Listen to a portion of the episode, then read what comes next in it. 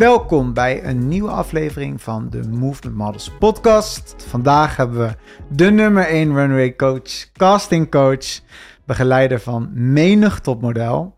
Misschien ken je hem ook nog wel als voormalig coach en jurylid van Holland's Next Top Model. Ja, ja. Zijn vandaag met Paultje Collum. Goeiedag. Hi, hoe is het Paultje? Eh, goed. Ehm, ik ben heel blij dat je er bent vandaag. Ik ook. Want wij werken sowieso al zelf met jou. Je begeleidt sommige van onze modellen. En ik denk dat jij een hele genuanceerde blik hebt op een vrij heftig, radicaal thema. Namelijk Fashion Week en maten en modellen die Fashion Week doen. Mhm. Ehm, ik denk misschien is het goed om eh, eerst uit te leggen. eh, nou, je bent dus zeg maar runway coach ehm, en casting coach. Wat, wat kun je precies verwachten wanneer modellen bijvoorbeeld bij jou in de leer gaan? Ehm, nou, ik begeleid modellen één op één. En ik begeleid soms ook modellen in, nou, in groepslessen voor modellen. Ehm, zeker in de aanloop naar, eh, naar alle grote castings en richting Fashion Week. Dan heb ik het meestal super druk. Want dan komen alle eentjes met modellen die nog last minute klaargestoomd moeten worden. Ehm, wat ik eigenlijk het meeste doe met modellen. ehm één is de basis. Hoe moet je lopen? Hoe moet je lopen voor welke casting en voor, voor, welke, voor welk merk? En daarbij ben ik eigenlijk bezig met hoe kom je over? Eigenlijk is het voorbereiden op sollicitaties. Daar komt het een beetje op neer. Precies. En hoe doe je dat? Hoe bereid je zo, hoe bereid je die jonge mensen voor op, op zo'n zo, ja, spannende sollicitatie? Een van de dingen die het meest belangrijk zijn, belangrijkste is als model, is nou ja, je uiterlijk. Dat is natuurlijk jouw unique selling, selling point. Ehm, dus we beginnen, we beginnen direct met wat is jouw product? Hoe breng je dat aan de man? Hoe kom je over? Hoe sta je? Hoe gebruik je je lichaam? Eh, hoe gebruik je je stem? Ehm, dus het is het hele, het hele plaatje van jezelf presenteren. eh, leggen we gelijk onder de loep. Hoe kom je over? Kom je zeker over, onzeker over? En ehm, ja, en daar ga ik meestal hard op in. Oh ja, wat bedoel je met hard op in? Nou, bij een casting heb je, heb je niet echt de tijd. nee. Dus bij sommige castings eh, ben je langer aan het wachten dan dat je daadwerkelijk de casting doet. Eh, soms sta je zelfs maar 30 seconden binnen. En die 30 seconden moet jij wel jezelf verkopen. Ehm, en alles valt en staat dan met een eerste indruk. Dus als model moet je wel, moet je wel kunnen. eh, moet je wel in staat zijn om te weten. Wat is mijn eerste indruk? Wat straal ik eigenlijk uit? Wat als ik de ruimte binnenloop, kom ik wel gelijk over als model. En ik ben natuurlijk met catwalk bezig, maar eigenlijk, zodra je aankomt lopen, zie ik natuurlijk al hoe je loopt. Dus je catwalk begint niet tijdens een casting op het moment dat ik vraag: en wil je nu voor mij een stukje lopen? Ik heb je al naar mij toe zien komen lopen. Mijn eerste indruk is er al op het moment dat jij binnenkomt. En als model moet je dus in staat zijn om ehm, ja, jouw eerste indruk te kunnen beïnvloeden. Precies. Ja, dit is ook inderdaad waarom onze modellen langs jou sturen. Omdat wat je zegt, dat klopt. Wij merken het ook als er mensen langskomen bij de agency. Wat wij ook altijd tegen onze eigen modellen, die we zelfs al aangenomen hebben, zeggen. Is als jij altijd helemaal verwaarloosd bij ons binnenkomt. Met je haar alle kanten op. eh, je ziet eruit alsof je er geen zin meer in hebt. eh, dan denken wij ook niet van, oh yes, morgen komt die castingdirecteur langs. Jij moet die zien. Dan denken we ook, oh jeetje, wat kunnen Ja. we nog voor deze persoon betekenen? Terwijl elke keer als je bij ons binnenkomt en wij denken weer elke keer opnieuw van wauw, jeetje, wat een spectaculair persoon. Dat helpt ook, zeg maar, ons met managen. Ja, Het en ik trek, het, ik trek het ook vaak door naar andere dingen of naar andere sollicitaties. Om, omdat als je het op die manier benadert, dan sta je er wat nuchterder in.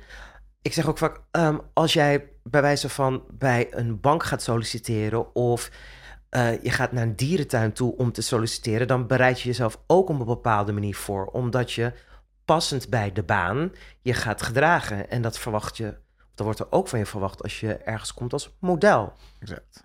Wat, wat zou je zeggen, oh ja, dit gebeurt veel, dit zijn echt de biggest don'ts. Van, wat, waar, waar loop je elke keer weer tegenaan wat je denkt, waarom gebeurt dit? Nou, een, van de, eh, een van de dingen waar ik eh, ook lichtjes zagrijnig van kan, eh, kan worden... is als modellen op deze manier praten.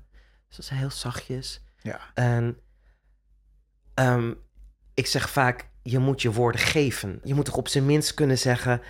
Hoi, ik ben, zo oud ben ik. Ik hoor bij dit modellenbureau en ik kom daar vandaan. En Precies. dat moet je op zijn minst hard genoeg kunnen zeggen en verstaanbaar. En dan Ja. daar blijf ik me over verbazen dat... Ja, ik, ik, eh, ik, ik vraag niet iets heel erg ingewikkelds. Nee, denk je dat dat te maken heeft met dat zoveel van de nieuwe modellen vrij jong zijn? Is dat er misschien soms een soort van verwachting is van hele jonge mensen om in een best wel stressvolle situatie. ehm, die, ja, snap ik bedoel? Die onzekerheid buiten de deur kunnen laten. Hoe, hoe kijk je daarnaar? Nou ja, het is natuurlijk niet niks. Zeker als je bijvoorbeeld eh, meisjes of jongens hebt die eh, net pas zijn ontdekt en dan direct in het diepe worden gegooid. Je hebt natuurlijk ook meiden en jongens die 15, 16 zijn als ze worden ontdekt en die wel, zeg maar, nog twee, drie jaar aan eh, in development zijn. Ja. Ehm, dan heb je natuurlijk de tijd. Maar als jij net wordt ontdekt en casting directors willen jou direct zien, ja, dan in twee maanden word je echt volledig het diepe ingegooid. Ja, dan komt er een vloedgolf aan info en indrukken. En dan snap ik natuurlijk wel dat het heel erg veel is.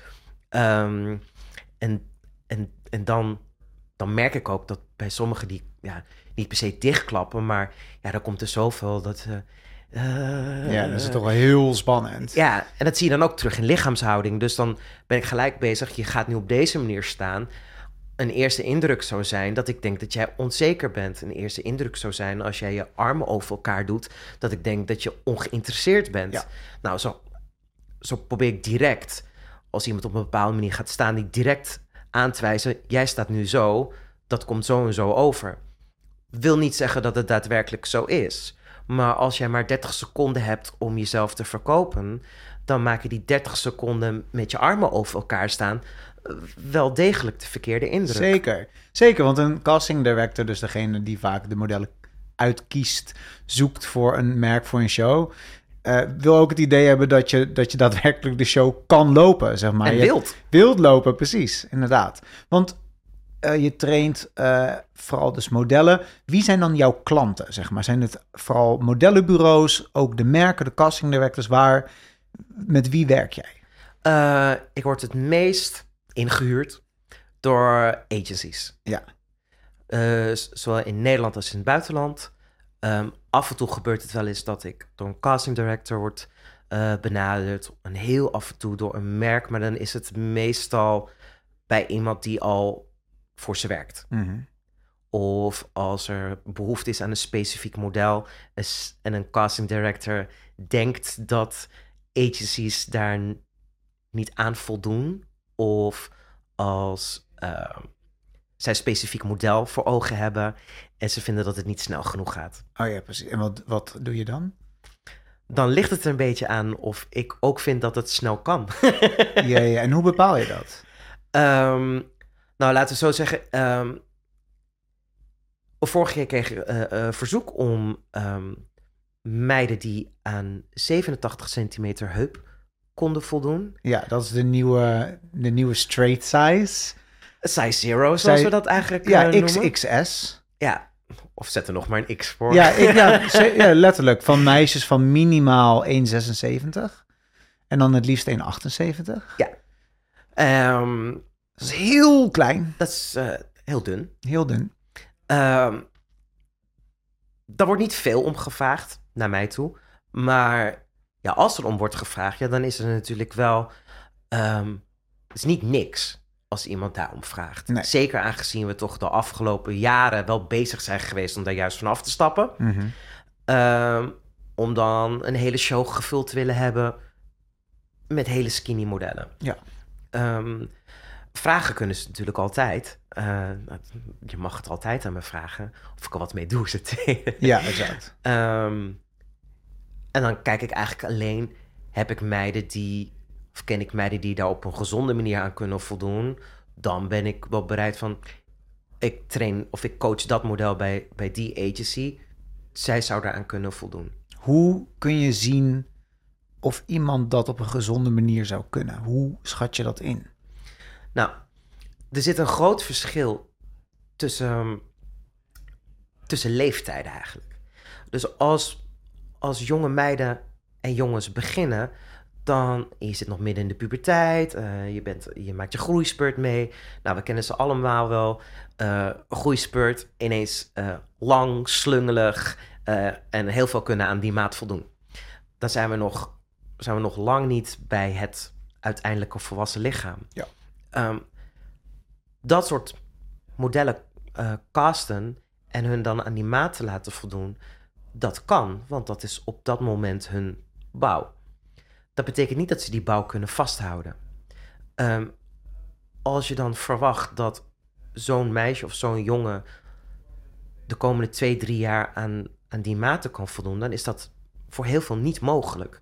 Omdat, ja, leuk als ze 17 zijn en nog aan, nou ja, aan een puberbouw kunnen voldoen. Maar zodra ze hun volwassen lichaam gaan ontwikkelen, en bij de ene gaat het sneller dan bij de ander natuurlijk, uh, ik heb genoeg meiden gehad die echt tot hun 24ste, 26ste hartstikke skinny zijn. En daarna pas uh, uh, iets meer vorming krijgen. Maar er zijn natuurlijk ook genoeg die van zichzelf skinny zijn. En als je dat van nature bent, is daar natuurlijk niks mis mee. Nee. Heel simpel.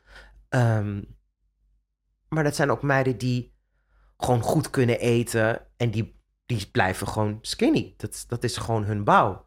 Um, en dat is natuurlijk wat anders dan wanneer je aan die bouw moet voldoen en je bij van dingen zou moeten laten, niet meer zou mogen eten, meer moet sporten dan dat je lief is. Um, ja, dan, dan wordt het natuurlijk een ander verhaal. En toch is dat wel, in mijn ervaring, de meeste succesvolle, de meeste succesvolle girls die we op de runway zien, zijn slank van nature, maar niet zo slank als ze zijn als ze shows lopen. Uh, omdat het toch heel vaak gepaard gaat met hevige sapkuren, heel weinig calorieën uh, inname, flauwvallen backstage. Dat is wel in mijn, in mijn ervaring uh, wat nog steeds superveel gebeurt. Dus je hebt inderdaad meisjes die kunnen naar die maten, die kunnen naar die crazy 87 heup. Die hebben misschien van nature, laten we zeggen, een 91 of 90 wanneer ze vijf dagen in de week sporten en gezond eten. Maar om naar die mega minimaten te gaan, moeten ze toch vaak. Daarom zijn ze ook allemaal zo freaking bony. Zeg maar, er is geen grammetje vet vaak op die lijven. wij hebben ook modellen die een heup 87 hebben van nature. En die zien er helemaal niet uit alsof ze heup 87 hebben. Juist. Want die hebben vlees op hun armen en benen. Het, het leest heel anders. je ziet het natuurlijk als, maar dat is in algemene zin, dus even los van modellen. Maar als, Ja. als mensen natuurlijk ondergewicht hebben, dan, dan zie je dat aan meer dingen dan alleen maar omdat iemand dun is. Exact. Eh, dat is je haren, je, de, de flatsheid van je huid, je handen. ehm, Dons op je je- gezicht. dons, hoe je nagels eruit zien. Ehm, ik heb natuurlijk ook wel eens meiden gehad die eh, naast me staan en ademen. En dat ik ruik, ruik Ja. nou, jij bent jezelf aan het uithongeren. Exact. Ehm, ja. dat, dan is het natuurlijk wel aan mijn taak om eerst achter te komen of dat... eh, wat, wat, eh, of een achterliggende reden is. Ik ga natuurlijk niet zomaar tegen iemand zeggen... volgens mij honger jij jezelf uit. Nee. Dat luistert natuurlijk wel heel, heel, heel nauw. Dat is, is niet niks als iemand daadwerkelijk een eetprobleem... of een eetstoornis heeft. Ehm, in verhouding vind ik het wel meevallen... als ik naga hoeveel modellen ik coach... hoeveel mensen een, een echte stoornis hebben. Gelukkig, Mhm. overigens ook. Want eh, dat, dat, dat, is, dat is gewoon niet niks. Ehm, ik heb zelf een eetstoornis, dus ik kan het zelf heel goed herkennen. Een van de redenen waarom ik, nou ja, redelijk goed ben in wat ik doe, omdat ik snel herken waar het fout gaat. Ehm, gelukkig is het voor mij zelf geen trigger point, want dat is natuurlijk ook heel belangrijk. Ja, ik wil net zeggen, het is wel iets waar je dan Ehm, heel erg mee omringt. Juist. En, maar het is ook even de reden waarom ik nou ja, in korte tijd, zeker toen ik begon, steeds sneller gevraagd werd. Omdat nou, er toch een periode kwam waarin veel meer agencies toch zoiets hadden van... ja, we, we willen af van, van, nou ja, hoe het tot aan bewijs van 2005, 2010 aan toe ging. Ehm, en, het- en, en het anders gaan doen. Dat was heel dun, dun, dunner dunst. Ja, ja. eh, de, de heroin chic, zoals iedereen het nou de laatste tijd weer wil noemen. Inderdaad. Dat, Eh. wil je uitleggen wat dat is? Ik denk dat veel mensen dat niet kennen, Nou, die term. Heroin chic begon eigenlijk een beetje natuurlijk met Kate Moss en de hele, de hele golf die daarna kwam. Ja, na, na de 90s supermodels die eigenlijk heel atletisch gebouwd waren. Ja, dus eigenlijk, je hebt de 90s supermodels, of eigenlijk jaren 80, jaren 90. Ja. Natuurlijk eh, Cindy Crawford, Naomi Campbell, Claudia Schiffer, eh, al die meiden. Ja. Ehm, en daarna, nou ja, dat, zo gaat het natuurlijk ook een beetje in mode. Het gaat in golven. Ehm, daarna hebben we eigenlijk een periode gehad dat het steeds dunner, dunner, dunner werd.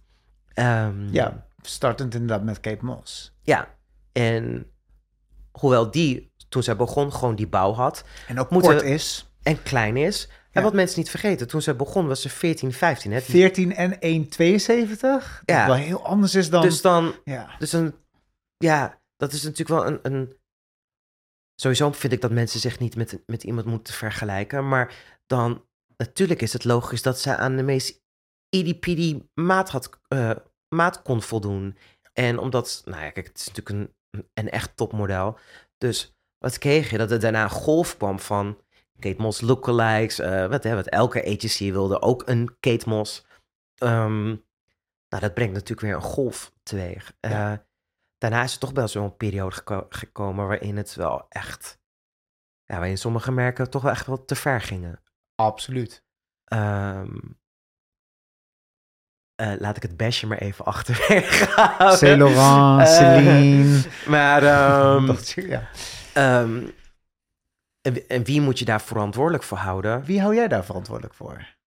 Casting directors en de merk zelf. Ja, precies, ik ook. Het is heel maar simpel. ook agencies, moet ik eerlijk zeggen. Want Ja en nee. Kijk, uiteindelijk... ehm,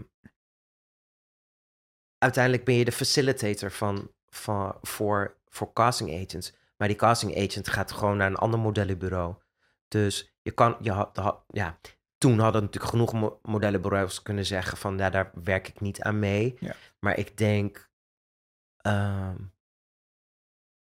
kijk, we- zijn nu nu alweer bijna 30 jaar verder.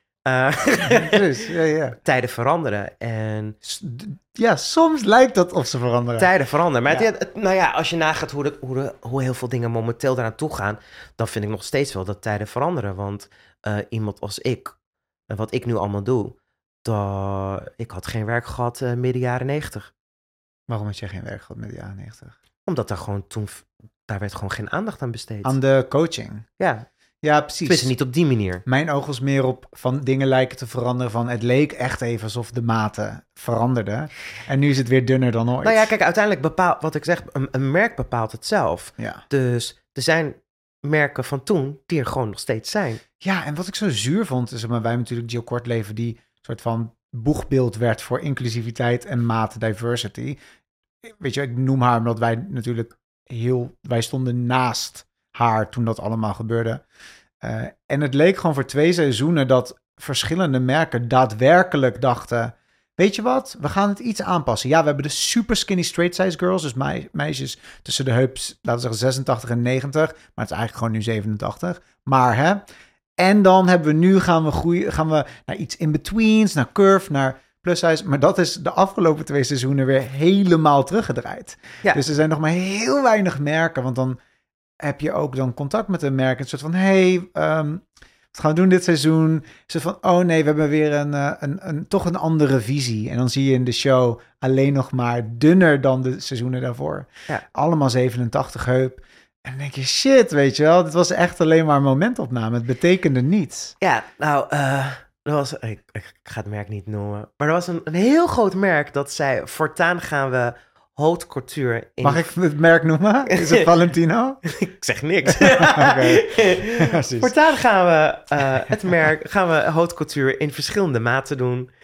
Hartstikke top natuurlijk, aan de ene kant. Ehm, Ja. Dat, kijk, uiteindelijk bepaalt, mag elk merk natuurlijk zelf bepalen wat hij doet. Zeker. Ik bedoel, ehm, als, zij, als, zij, als zij skinny willen, dan dat mag. Ik bedoel, we kunnen er van alles en nog wat van vinden. Ehm, aan welke kant van het spectrum je Gaan staat. Je kan, het, kunnen doen. je kan het Nee. prachtig vinden, je kan het verschrikkelijk vinden, maar uiteindelijk bepaalt het merk toch echt lekker zelf. Ja. Ehm, je hoopt dan altijd wel dat, het, dat een, een bedrijf, een merk aan zich toch wel het beste voor heeft. Maar goed, dat is dan weer een ander verhaal. Ja. Ehm, maar de intentie werd gezegd dat er meer lichaamsdiversiteit zou komen tijdens haute couture. Ehm, wat niet niks is, want er zit toch wel een verschil tussen, nou ja, steeds minder, maar er zit een groot verschil tussen haute couture en ready to wear. Dat is inderdaad echt minder aan het worden. Maar ja, het is natuurlijk wel jammer als een, of jammer, als er, als er wordt gezegd dat er, dat er, dat een merk verandering wilt brengen in, in beeld en ehm, in diversiteit en het alleen maar als gimmick heeft gebruikt. Oprecht een gimmick, ja. Ten koste van... Ja, dan denk ik, ja, blijf dan gewoon bij skinny. Precies, wees dan gewoon true to self. Ja, wees dan gewoon lekker consequent of zo. Ja, ja, ja, eh, ehm, Precies. Wa- waarom is dat? Waarom, waarom denk jij... Waarom willen mensen die modellen zo? W- Voor wie? Waarom? Wie, wie haalt er hier iets uit? Wat is dit? Ehm, nou, een van de dingen die, die ik ook belangrijk vind altijd om te zeggen, is het begint eigenlijk al op de opleiding.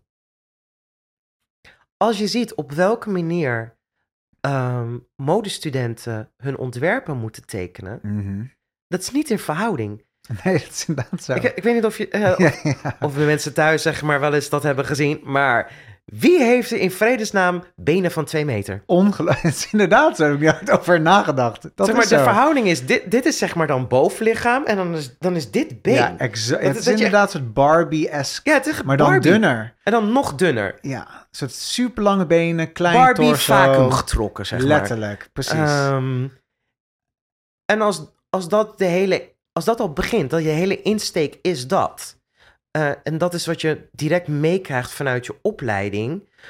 En je hebt een vierjarige opleiding, eh, nou, noem als maar op. En dat, je moet het ook op die manier doen. Want laten we wel wezen, het is, het is natuurlijk wel, eh, zeker, zeker ook bij creatieve opleidingen, de docent bepaalt soms nog steeds wel echt welke kant het op gaat. exact. En niet alleen bij een modeopleiding, maar bij elke kunstopleiding. Ehm, ehm, het is natuurlijk ridicuul. Dat eigenlijk op die manier ook de dingen worden ontworpen en getekend. Maar daar begint het wel al. En als je dan nagaat dat het al tientallen jaren zo gaat. En zelfs bij de ontwerpen van veel, veel vroeger, bijvoorbeeld jaren twintig, zie je al dat het. Het is niet wie kan aan dit beeld voldoen? Ja, misschien vrouwen uit de Maasai-stam, weet je? ja, die hebben-. Die komen het dichtst bij zo'n zo'n eh, zo'n lichaam. Prachtige vrouwen overigens. Maar ja, de rest van de wereld kan daar eigenlijk Nee. never nooit aan voldoen. 60 modellen per show te vinden die allemaal die maat hebben. Ja, we moeten die hele Maasai-stam naar... eh, Ja, en dan ook elke show laten lopen. Ja, jeetje. Dan- ik durf te wedden dat we inmiddels wel iemand uit de Maasai-stam hebben gescout. Oh, vast wel. Ook hoe scouts nu scouten met soort van op de meest bizarre manieren naast... nou, niet nu. Dat, dat, dat, Ja, eh, naast vluchtelingenkamp en zo. En daar- nou, het, is- ik vind het allemaal heel heftig. het is heel maar, heftig. maar, oh ja, dus het begint inderdaad Het met, begint al daar. met ontwerpers die leren mode te maken. Ja, en het, Heel dun, heel lang. Laatst kreeg ik een daar. ehm om, het zelf, op het moment dat het me gevraagd werd, toen heb ik heel braaf en netjes geantwoord. Maar ik, werd, ik was eigenlijk best wel pissig.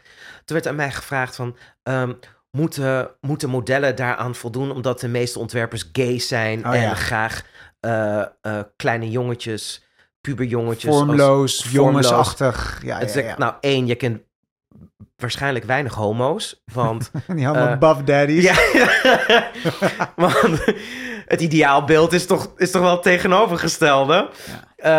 Hoe gespierder soms, hoe beter. En, en hoe meer, ja, hoe mannelijker, des te beter. Dus nee, Nee. nee, dat is toch echt niet... Nee, er is verschil tussen pedofiele en homoseksualiteit. Dat, en dat ik dacht van, oeh, ik had, ik had diegene eigenlijk wel even willen knijpen. Ja, ja, ja. Ehm, maar dat gezegd hebben, er zal vast wel ergens een pedofiel in de industrie werken. Dus Oh. eh, sluit het niet uit. maar Ehm, maar ja, omdat er, een, omdat er met een vertekend beeld wordt begonnen, ja, wordt, ja, wordt een, een ideaalbeeld neergezet. En dan aan dat ideaalbeeld willen natuurlijk heel veel mensen dan, en dan heb ik het niet over modellen, maar designers en iedereen in het vak wil daaraan voldoen. Mhm. Ehm, en dan is dat natuurlijk. Dan ga je volledig tegen de stroom in als je daar natuurlijk van af zou wijken. Dus eigenlijk, weet, eigenlijk is het meer van, van bijna een soort kip en een ei. Van, het, was er, het was er al, nie- we weten niet echt hoe. Het, wa- dat was gewoon het Er ideaalbeeld. zijn zoveel verschillende soorten. eh, op zoveel verschillende soorten plekken in de industrie die het in stand houden. Dat het is niet die ene die alleen alles bepaalt. Of het is de schuld van die of de schuld van de ander. Het, is, en het, is, het zit allemaal aan elkaar vast. Een soort collectief. Ja, en kijk, ik denk natuurlijk wel dat de, er komt natuurlijk nu een generatie aan die anders denkt. ehm, of het wil doorbreken. De vraag is natuurlijk of dat straks doorzet. Ja, exact. Hè, ik bedoel, ehm, ehm, een, van de, een van de meest succesvolle jonge ontwerpen is, is, eh, eh, is, natuurlijk van Balmain, Mhm. eh, Olivier. Olivier. Maar, maar om nou te zeggen dat hij heel veel curvy meiden natuurlijk... Nee, dat is- Jacques Moes meer. Ja, Simon, eh, hoe heet hij? Wat is zijn volle naam ook weer? Ik durf, zoals net zijn achternaam alleen al uitspreken, ga ik, voel ik echt een druppel zweet langs mijn achterhoofd. Jacques Moes, Moes, Moes, Moes. Mus. Ja. Shaki Mus. Ja, ik heb wel eens Nederlandse meiden dat ze dan, dat ze dan... We moeten natuurlijk altijd lachen om Amerikaanse modellen die niks, niks goed uit weten te spreken. Maar ik had laatst een model, ik zei, waar had je een casting voor? Jacquemus. Nou, dat had ik kunnen zijn. Zeg maar, I'm not blaming her. Precies. Ja. Ja, nee, ik, ik voel haar. Ehm, maar uiteindelijk, de, de, de ontwerper, degene die betaalt, bepaalt. Exact. Ehm, zolang die niet anders ontwerpt, zal, zal het model moeten voldoen aan de kleding waarin het ontworpen wordt. Ja, exact. Dus de maat. Het is geen retail, bedoel, het is Nee. geen Zara. Nee, en ik vind het zo annoying, want ehm, modellen moeten op fitting komen. Maar stel voor, even een in een notendop, zeg maar, Fashion Week. Je bent model geweest, je bent uiteraard bij Paaltje langs geweest, want je wil shine op je casting. Je kan niet als model zomaar castings doen, zeg maar. Je zit bij een agency, die sturen showpackages op. En in die packages kiezen casting directors wie ze willen zien. Nou, dan zijn er pre-castings. Dan kom je alvast soort van de eerste keer langs. En dan wordt het soort van down wordt het getrechterd naar de echte castings. Daar krijg je een uitnodiging voor. Je kan niet zomaar naar castings. Je kan niet zomaar denken: oh, het lijkt me, ik wil dat eh, mevrouw Chanel me ontmoet en ik wil, eh, ik wil daar langs. Nee, je wordt, dat is een best een proces. Vervolgens, als je dus daadwerkelijk op die castings mag komen, wat al best wel een accomplishment is, want er worden duizenden modellen voorgesteld tijdens zo'n Ja. Fashion Week. Eh, dan gaan ze nog kijken, hebben we een look voor je, zeg maar. En dan moet je dus ook op fitting komen. Dat betekent eigenlijk dat je dus een outfit gaat passen. En die worden dan, ondanks dat je al allemaal dezelfde maten moet hebben, een soort van een heup 87 en een taille het liefst net onder 60, zo 59 zou top zijn. Ehm is heel klein.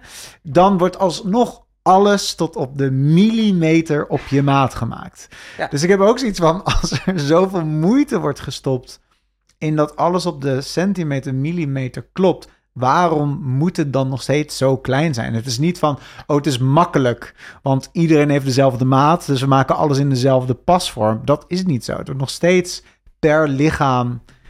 Nou ja, kijk, uiteindelijk, uiteindelijk blijft het natuurlijk wel een ideaalbeeld dat verkocht wordt. Ja. Ehm, even los van of het iedereen's ideaalbeeld is natuurlijk, maar... ehm, het is een droom die wordt verkocht. En een bepaalde droom die... ehm, aan dun zijn wordt geplakt. Ehm, en het is, natuurlijk, is natuurlijk typisch, want we hebben natuurlijk daarvoor hebben we natuurlijk de, de topmodellen gehad, de supermodellen. Nou, die waren niet skinny. Niet zo skinny. Nee, die waren natuurlijk wel slank. Ja, maar niet, niet, niet, maar niet slank. Niet maar er zoals zat nu. ook, zat ook Ja. titel op. Ja, er was vorm toen nog. In, Ja. in de zin van... nou ehm, ja, als je kijkt naar nou, een van Nederlands allergrootste modellen. ehm, niet in maat natuurlijk. En, Succes. Succesvol is Karen Mulder. Mhm. Ehm, verder tragisch verhaal, maar daar hebben we het dan maar niet over. Ehm, maar als je kijkt naar alle, alle foto's van toen, in de jaren tachtig... Nou, je kan veel van Karen Mulder zeggen, maar skinny was ze niet. Nou, ja, wel... Niet skinny. Nou, ik snap wat je bedoelt. Ik snap wat je bedoelt. Maar ze, heeft, ze had wel een... een ze, had geen, ze had geen hevig ondergewicht. Nee, ze had helemaal geen ondergewicht. Precies, maar, dat ze had- is hoe ik het ze inderdaad een- ze- zelf... Zij heeft wel echt een ideaalbeeld. Ik bedoel, het is, Ja. het is meer het Het soort... is heel strak en wel nog steeds echt slank. Echt Ja, maar ze had ook vrouw. bil. Ja, ja. Kijk, het is, wel, het is wel het ideaalbeeld van ook wat daarna bijvoorbeeld in Baywatch tere- terecht kwam. Weet je, het was wel... eh Karamel had toch echt wel tiet. Die had wel een boezem. Ja, die, die was niet zo uitgemergeld dat er geen... Nee, nee, nee, geen- zeker niet. Zeker dat zeker lag nog steeds of, eh, eh, hout voor de deur. Ehm, en er waren er meer van. Ehm, maar wel heel afgetraind. Ja, heel atletisch. Heel atletisch. En in essentie vind ik daar niks mis mee. Ik bedoel, uite- uiteindelijk is het, is het, gaat het om sales. Dus even los van wat ik persoonlijk mooi vind, zijn een heleboel merken natuurlijk bezig, designers, nou noem alles maar op, met dit is hoe ik mijn sales doe. Dit is hoe ik mijn ideaalbeeld verkoop. Daar kunnen wij van alles nog wat van vinden. Nou, kijk naar Victoria's Secret Show. Die heel lang hetzelfde ideaalbeeld heeft verkocht. Ehm, daar vast aan hield. Be- nou, een, een, een, eh, een eigenaar, noem als maar op, die bepaalde uitspraken deed. Ehm, Ja, hij uitte zich over dat bijvoorbeeld transgender personen geen Victoria's Secret Angels zouden kunnen zijn, omdat ze een droombeeld willen verkopen. Eigenlijk dus zeggende, vrouwen die eh, voller zijn, of mensen die eh, female presenting zijn, die voller zijn, of dus niet cisgender zijn, zouden nooit een droombeeld kunnen vervullen. Wat heel apart was, want er liepen al transgenders mee. Maar dat weten ja, transgender personen, ja, maar dat wisten, wi- wisten ze zelf natuurlijk niet, ja. En dat is, dat is natuurlijk. eh, en ik, ik, ik ga never nooit deze man eh, eh, verdedigen. Maar ehm, ze verkochten een ideaalbeeld. En wilden geen, nou, niet bepaalde uitspraken doen over, nou ja, laten we het eh, Amerikaans houden over woke ideologie. Mm, precies. Ehm, En zat ook heel erg in de kinderschoenen toen nog. Überhaupt, woke, Ja. wokeness. Tijdens de Victoria's Secret heydays was dat nog helemaal... Ja, en het, eh, het, wij verkopen dit beeld en er- we gaan het niet hebben over voldoet deze persoon aan dat beeld. Het interesseert zich geen ene moer of iemand dan wel of niet transgender was, voldoet ze aan het plaatje. En we gaan het niet hebben over die dingen. Zij, zij voldoet gewoon precies aan nou ja, het, het uiterlijk van een Victoria's Secrets model. Daarom boek ik haar. En ik ga haar niet boeken omdat ze transgender is. En ik ga daar ook niet mee. Ik ga dat ook niet naar buiten toe brengen. Nee, maar ik, zou, ik denk wel dat ze een eh, vrouw die openlijk transgender zou zijn, zouden ze niet aannemen. Nee, dat hadden ze toen zeker niet gedaan. Nee, Omdat zij. eh, vinden dat dat niet een, niet een ideaalbeeld vervult. Dat, ja, dat, maar ook omdat ze dat niet aan het merk wilden verbinden. En dan, wat ik zeg, ik ga het niet verdedigen, maar ehm, je komt dan wel op het punt, voor, voor zo'n persoon dan, gaat het puur om mijn merk of gaat het om het feit dat ik ook een trans, transgender mee laat lopen? En deze mensen waren meer bezig men, met niet het feit dat ik zeg dat ik transgenders mee laat lopen. Nee, dit is het plaatje dat ik verkoop. En ik wil er geen politiek aan verbinden. Ik wil er niet dit aan verbinden. Ik wil er niet dat aan verbinden. Ehm, ik wil ook niet dat iemand gaat aangeven of ze hetero, homo, bi, welk ander eh, ding uit het palet. Ehm, en daar, daar, aan de ene kant snap ik dat ook. Want ik ook wel denk, ja, als jij, als jij puur be- bezig, alleen maar met business bezig bent, waar- waarom zou je dat er per se aan moeten verbinden? Je moet helemaal niks. Ehm, het is natuurlijk wel jammer, want hij had natuurlijk heel anders daarop kunnen reageren. Dan was er ook weer daar anders op gereageerd. En nu leek het meer op anti-transgender. Zeker. Ik vind het ook altijd zo jammer met dit soort dingen. En daarom ben ik zeg maar zo zuur. Ik vind het jammer hoe mode gewoon constant door de mand blijft vallen. Zeker met zeg maar bijvoorbeeld dat, dat met Victoria's Secret toen van oh ja we hebben een droomideaal en daar passen gewoon heel veel mensen niet in zeg maar. We hebben een Ja. heel duidelijk beeld. Dit is hoe we dat willen en jullie zijn dat niet. Ehm, en nu is die omslag er voor ze. Want nu moeten ze wel door een Savage, Fenty, Rihanna, die soort van een hele inclusieve show heeft gebouwd, een merk heeft gebouwd, ook onder goed lingerie. Uh, en die die walst echt over Victoria's Secret heen, zeg maar. Dus nu doet Victoria's Secret dat natuurlijk ook. Ik bedoel, weet wel, Victoria's Secret heeft extreem grote stappen achter de schermen genomen... om dit wel te kunnen doen op een Ze manier... zijn ook van eigenaar gewisseld, dus het de is... whole board is dus- gone. Ze werken met vrouwelijke dus het is, fotografen. gewoon een, het is gewoon een ander bedrijf. Het is letterlijk een ander bedrijf. Het Dus- heeft dezelfde naam, maar het is een ander bedrijf. Exact. Dus het is, het is natuurlijk gewoon zo zuur wat vaak met mode gebeurt. Is dat dan de meest creatieve en business, grootste businessgeest, grootste creatieve geesten eh, in de wereld ehm, zo achterlopen met zoveel, met zoveel dingen die zo. Ik vind het jammer dat ze de verantwoordelijkheid niet voelen wat ze met hun platform kunnen doen. Pas wanneer het alleen een good business decision is, dan pas wordt er moraal aan gekoppeld. En ik vind dat zo kut. Ja, dat, dat snap ik, maar uiteindelijk blijft het natuurlijk business. Dus even los van dat wat ik zeg, als ik, als ik zeg van ja, ik eh, wil niet voor de duivel spreken, maar uiteindelijk is deze hele industrie zaken doen. Het is ik denk niet... voor mij is dat anders. En ik En- snap dat, omdat ik, ik, ik snap wat je zegt. Maar jij, jij ziet het gewoon echt als een job thing, als een as a business thing. Dat van zo neutraal mogelijk, zeg maar, erin ja, staan. ik, ik probeer het zo altijd zo. Kijk, ik vind van alles en nog wat. Ehm, maar tegelijkertijd ben ik me wel bewust van in, in wat voor business ik ben gestapt. En ik ben altijd voor verandering van binnenuit. Ehm, omdat, ik, omdat ik soms denk dat als je jezelf omhoog weet te werken. eh, Even klapje op de schouder. Precies. Precies. Eh, dat je veel meer voor elkaar weet te krijgen. Dan door alleen maar te schreeuwen en te schoppen. Eh, er wordt ook naar je geluisterd, maar men ergert zich aan je in plaats van dat ze willen luisteren. Exact. Vraag je, vraag je. Wat zou je dan, zeg maar, anders willen zien zelf? Gewoon jij persoonlijk. En hoe ben je dat van binnenuit aan het doorvoeren, uitvoeren?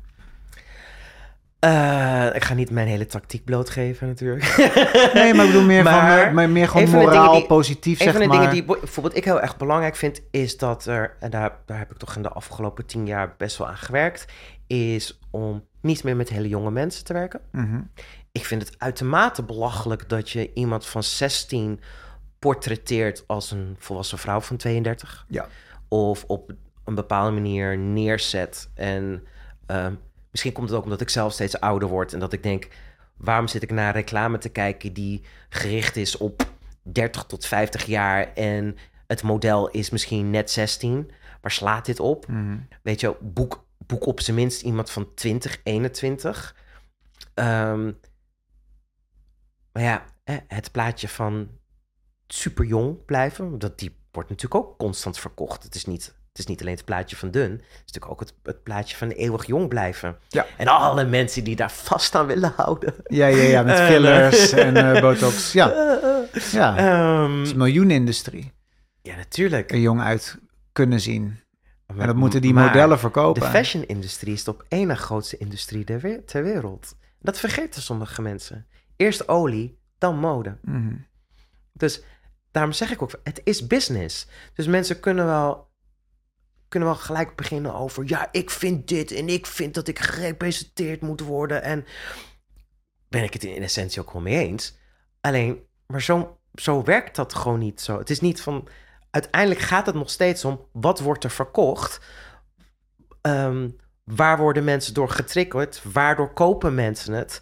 Als dat dat plaatje is, dan hou ik daaraan vast.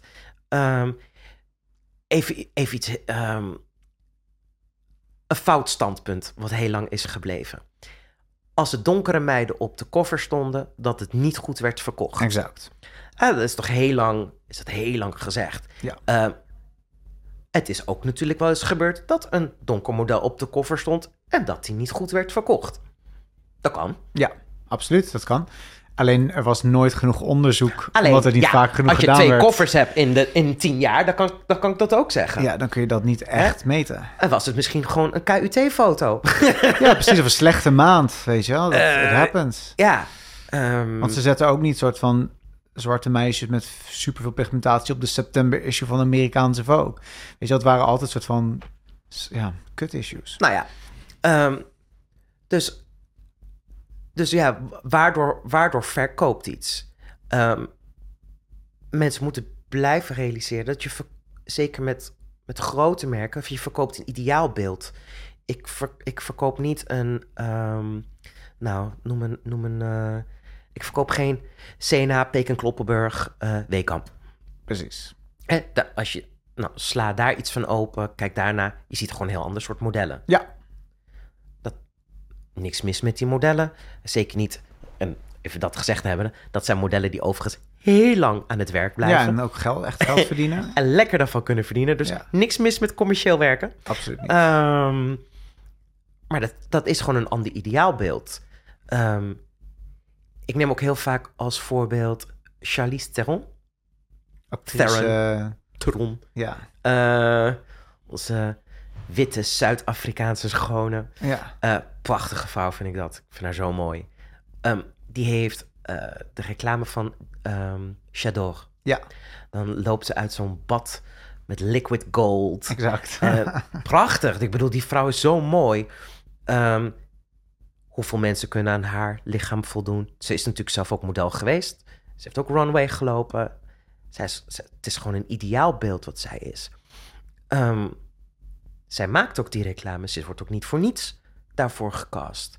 Daar, is zij voor gecast en niet een onbekend model die daaraan kan voldoen. Nee, Charlize is daarvoor gecast. De manier zoals zij beweegt, noem alles maar op. En haar hele, haar hele lichaam. Het is een ultiem beeld. Het is natuurlijk ridicuul, want ik bedoel, als zou ik dat geurtje opspuiten, het is niet alsof ik dan hetzelfde eruit zie. Ik bedoel, ik kan ook uit dat bad komen lopen, maar het komt toch niet hetzelfde over. Hetzelfde geldt Ja, voor... het, ligt, het ligt eraan hoe we leren te kijken. Ja, maar dat is dus dat is natuurlijk nog steeds een ding. Hetzelfde is als ik mijn no offense buurvrouw, maar als mijn buurvrouw die reclame had gedaan, dan had ik toch heel anders naar die reclame gekeken. Er is niks mis met mijn buurvrouw, superleuk wijf. Maar het geurtje werd niet verkocht door haar. Maar weet je wat het is, Paultje? En dit vind ik wel echt een ding. Ik denk ook, eh, je hebt net toevallig een link gelegd tussen twee dingen waar ik zelf heel veel mee bezig ben. Namelijk, vroeger wilden we als mode-industrie geen zwarte modellen, want dat verkocht niet. Dat was de reden. Het was niet dat we, nee, wacht, we wilden het niet. We konden het gewoon niet doen, want het verkoopt niet. Dus het, is, dus het kan gewoon niet. Nu blijkt dat dat eigenlijk reus meevalt. Er zijn heel veel zwarte modellen op de runway, heel veel zwarte modellen op covers en de merken... Momenteel de meerderheid zelfs. Ja, en ze doen het prima, de merken. Dus dat, dat is iets wat gewoon niet waar was. Eh, vervolgens, ook zeker toen Jill begon met Runway te doen, was er echt een golf van mensen van, dit is niet, dit is niet mooi. Zeg maar, dit is gewoon, ik, ik kan hier niet aan wennen. Vervolgens zijn we nu seizoenen later en mensen zijn alleen maar van, oh maar nee, Jill is wel mooi. Mensen hebben blijkbaar een soort van, kunnen makkelijk leren andere dingen mooi te vinden. Daarom ver- veranderen schoonheidsidealen ook. En vinden we dan in de Maar 90s dat, dat sowieso. mooi. Het schoonheidsideaal verandert altijd. Moet niet vergeten dat we zelfs een periode hebben gehad, de Rubensvrouw. Precies. Weet je, nou, die waren verder van skinny. Dat is niet heroin chic. Dat is niet heroin chic. Nee. Nee, maar dat, maar dat is dus een beetje mijn punt. Dat vind ik zo kut aan de mode-industrie. Is dat de verantwoordelijkheid die er, die er zo... Die zouden kunnen voelen van...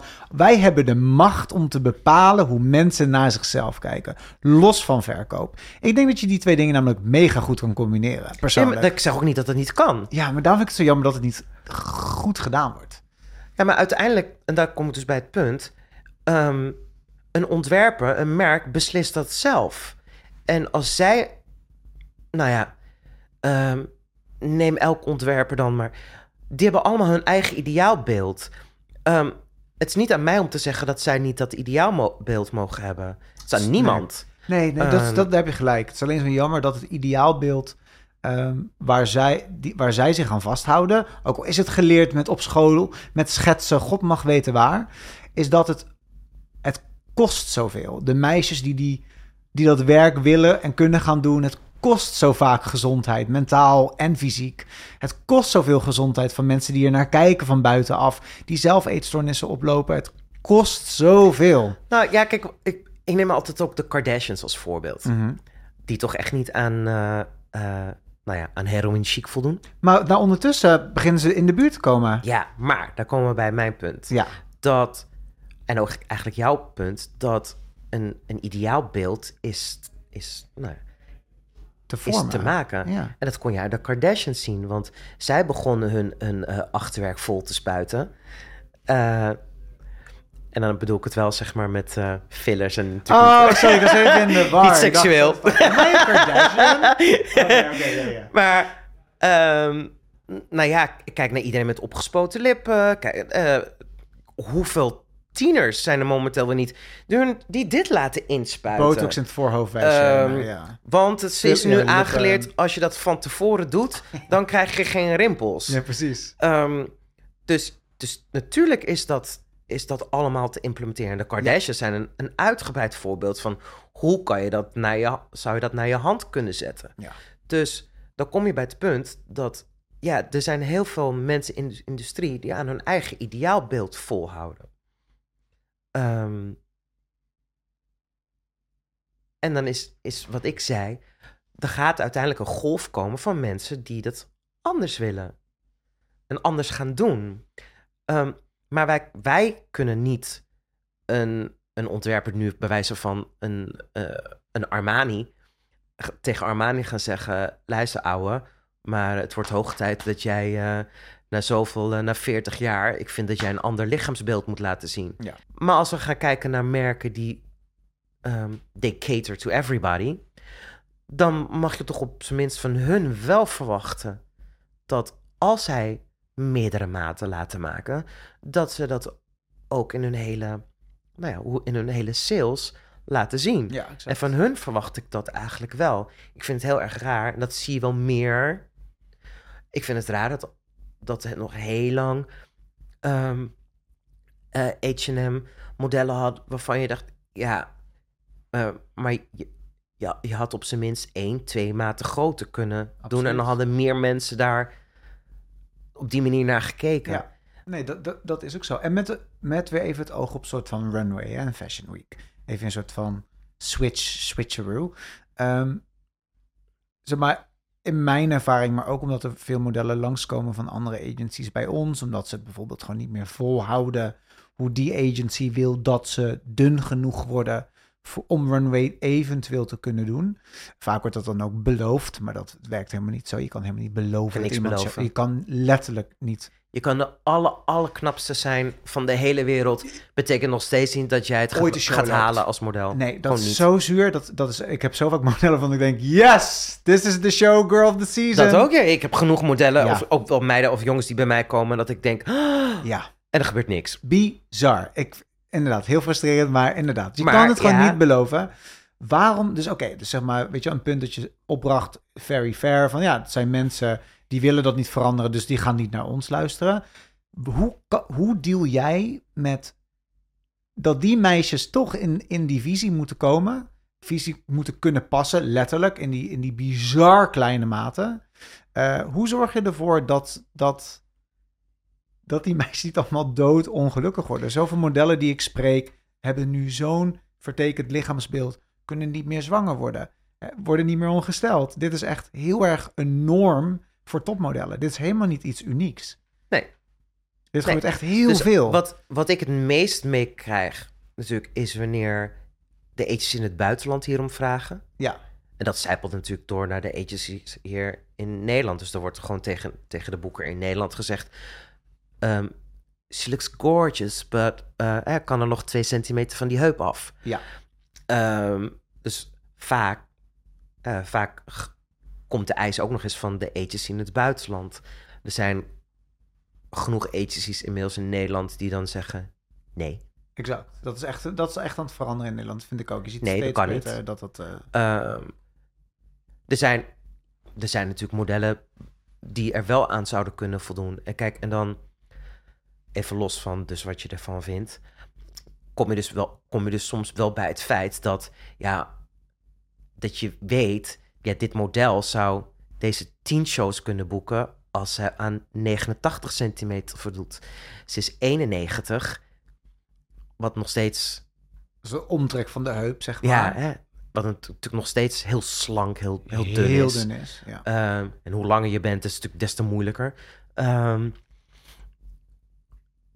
en dan weet je, ja, al deze merken, al deze grote designers zeggen nee.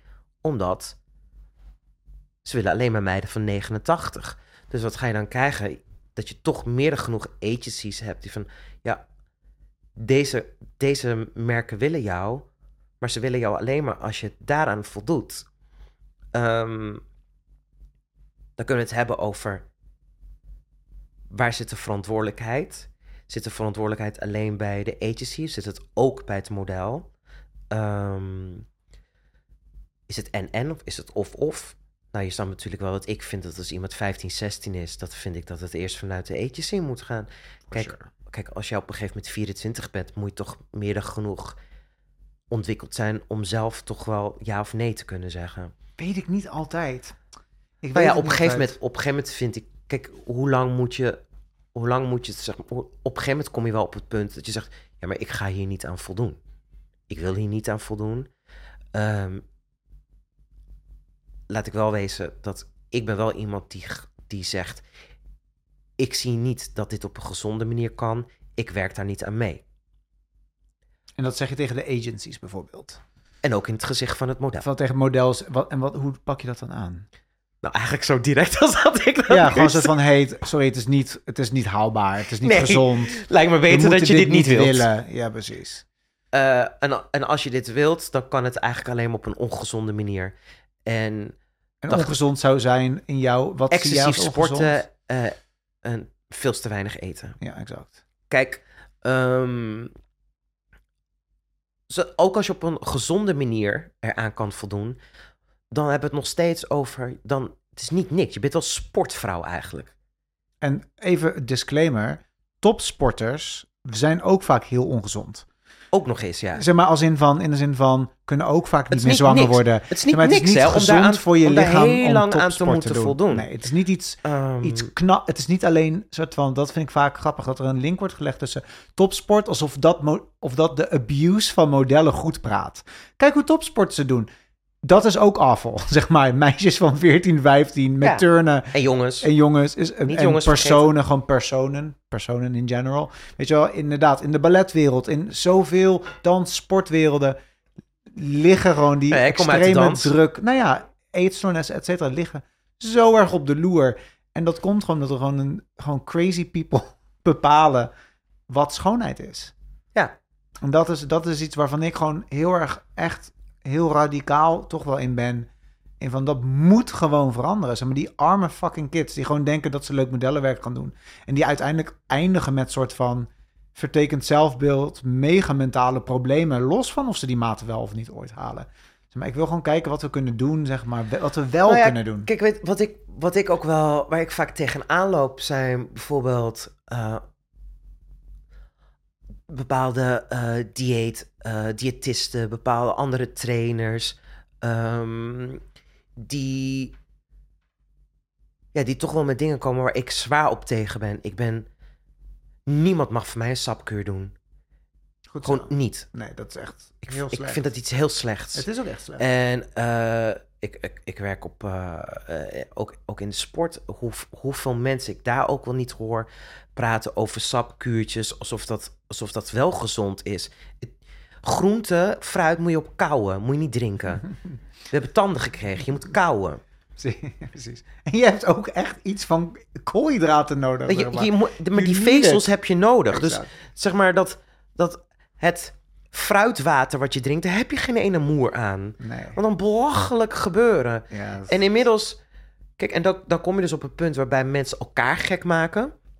Hè, want eh, jonge meiden, jonge jongens. eh, Jonge En, mensen. al, en, en Jonge iedereen, mensen. iedereen in het hele spectrum. Yes. Ehm, je, ze maken elkaar ook gek. Eh, ehm, een Frans model die ik, die ik eh, die coach, zei... eh, zij was backstage lekker aan het kletsen bij Chanel. En ehm, ze eh, sprak met een, met een Nederlands model, Marlijne heet zij. En ehm, En ze waren een beetje aan het kletsen, zo van... eh, eh, want eh eh, Marlijn heeft inmiddels ook een paar keer Chanel gelopen. Van, oh, ik doe dit, ik doe zus, ik doe zo. En ehm, Lola is niet skinny. Lola, ik weet wie zij is, ja. En Heel Lola, knap. en, eh, Lola zit op eh 96 centimeter. Maar niet hoe ze begon. Jawel. Oh, echt waar? Oh, ik dacht dat het veel... Ja, Lola heeft nog nooit aan, eh, aan de strenge eisen voldoen, eh, voldaan. Ja. Ehm, ze was wel heel erg op een gegeven moment heel erg aan het schommelen. Nou, dat, dat is een persoonlijk iets, maar goed.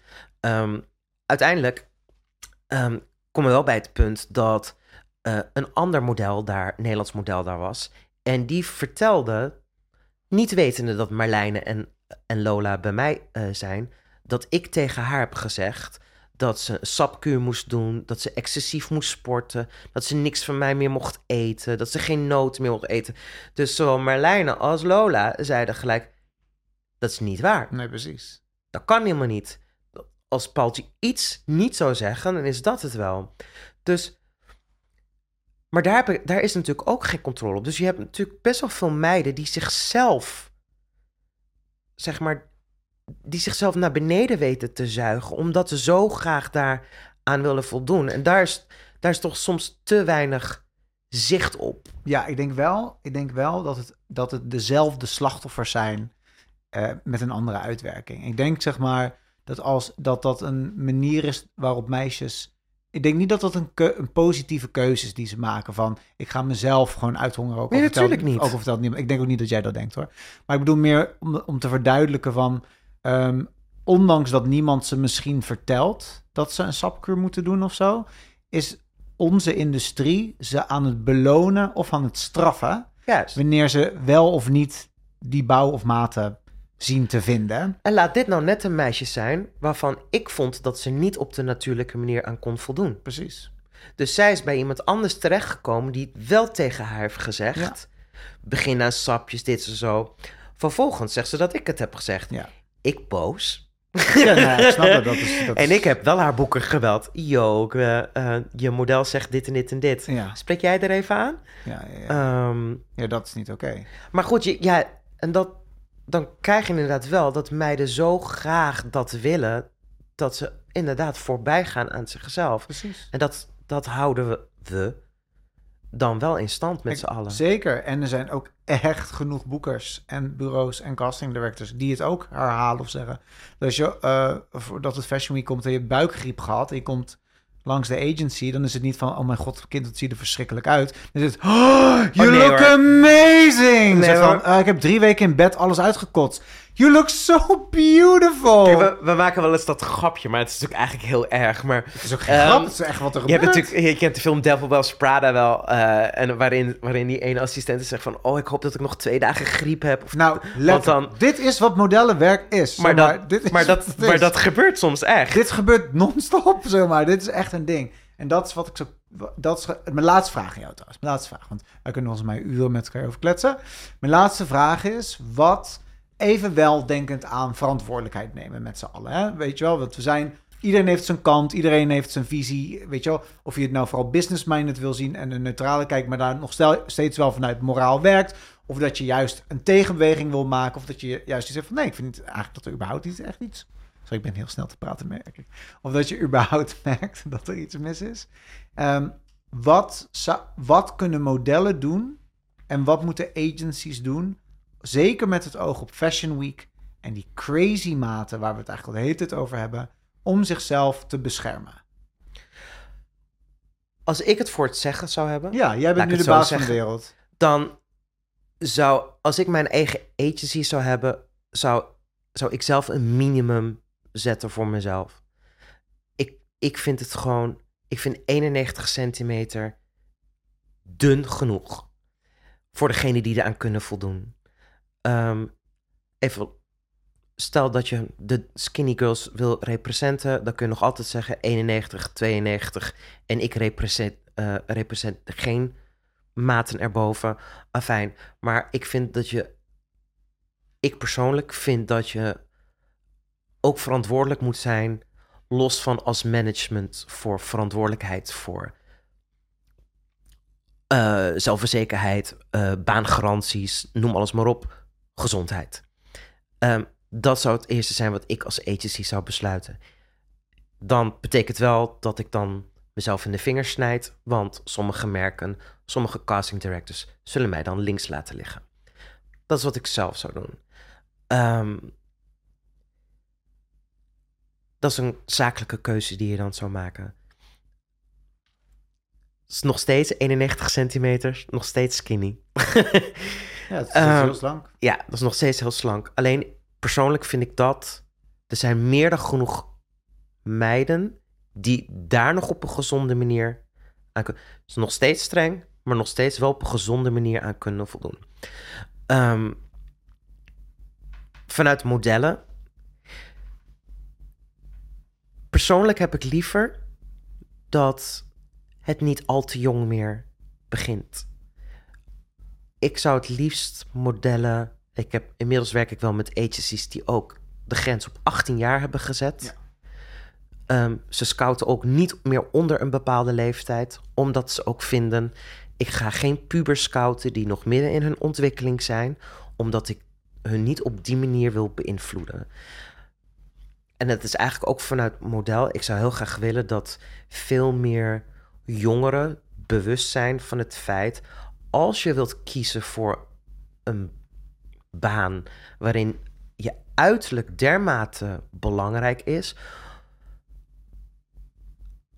moet je eigenlijk, eigenlijk ook al ben je 14, 15, wel nadenken: is dat wel iets waar ik mezelf in wil stoppen? Wil ik wel continu kritiek krijgen? Want hoe je het ook went of keert, als je als model gaat werken, en het maakt niet uit aan welke maat je voldoet, je gaat altijd opmerkingen krijgen over je uiterlijk, kritiek. Ehm, en niet iedereen is daar gewoon geschikt voor. En tuurlijk, het is een heel mooi ideaalbeeld en het zal allemaal hartstikke leuk zijn als je bepaalde opdrachten boekt. Maar ik zie er een paar duizend in het jaar. En van die paar duizend maken het er misschien vijf. Dat is echt iets heel belangrijk om te vertellen. Dat is echt zo. Dus het is soms, lieve kijkbuiskinderen, ja, lieve ja. podcastkinderen, Ja, niks anders dan de loterij. het is echt zo. Het zijn, en dit zijn al getekende modellen bij top agencies. Dit zijn niet gewoon mensen van de straat die random model willen worden. Nee. Dit zijn de uitgekozen mensen uit de duizenden. Zijn dit de duizenden die bij jou, die bij jou langskomen? Waar experts van denken, dit kan niemand worden. En daar worden er vijf van succesvol. Juist, Ik heb één allerlaatste afsluitende vraag. kom maar. We willen allemaal ergens natuurlijk dat mode verandert. Eh, behalve dan de ontwerpers. Maar veel andere mensen wel. Wat denk jij dat de toekomst is van runway, maten, modellen? Wat, wat, wat, je hebt je, je zet je voelsprieten uit. Wat denk jij wat de toekomst is? Ehm, nou, wat, wat ik al eerder zei, alles gaat in golven. Ehm, wat ik denk dat de toekomst is, en wat ik ook vooral hoop, is dat er een nieuwe lichting aan ontwerpers langzaamaan doorcijpelt naar boven. Ja. eh, doorstroomt naar boven, die andere ideaalbeelden hebben. Dat zegt niks over de, over de mensen die momenteel al bezig zijn, maar alles wat nieuw binnen weet te komen, kan het anders doen. En de generatie die er nu aan lijkt te komen, lijkt ook de generatie te zijn die de dingen anders willen doen. En ik hoop dat dat doorzet. En, en misschien zien we dan wel andere ideaalbeelden. eh, en misschien ook ideaalbeelden waar deze persoon weer niet aan kan voldoen. En, maar dat er toch wel meer diversiteit blijft. Want daar gaat het om. En niet alleen maar in wordt gezet als gimmick. Exact. Heel erg bedankt, Paultje. hè? Alsjeblieft. Voor al je, al je wijsheid en al je meningen. En heel veel succes met eh, alle drukke fashion, opkomende fashion months. Want het stopt nooit. Het stopt nooit voor Het mij. stopt echt nooit. Ehm, thank you so much. Alsjeblieft. Dankjewel voor het luisteren naar de Movement Models podcast. Wil je nou op de hoogte blijven van deze podcast? Zorg ervoor dat je ons even volgt in je favoriete podcast app en laat een rating achter. Wil je meer zien of te weten komen van de gast van vandaag of van de Movement Models? Zorg dan even dat je de handles checkt in de show notes.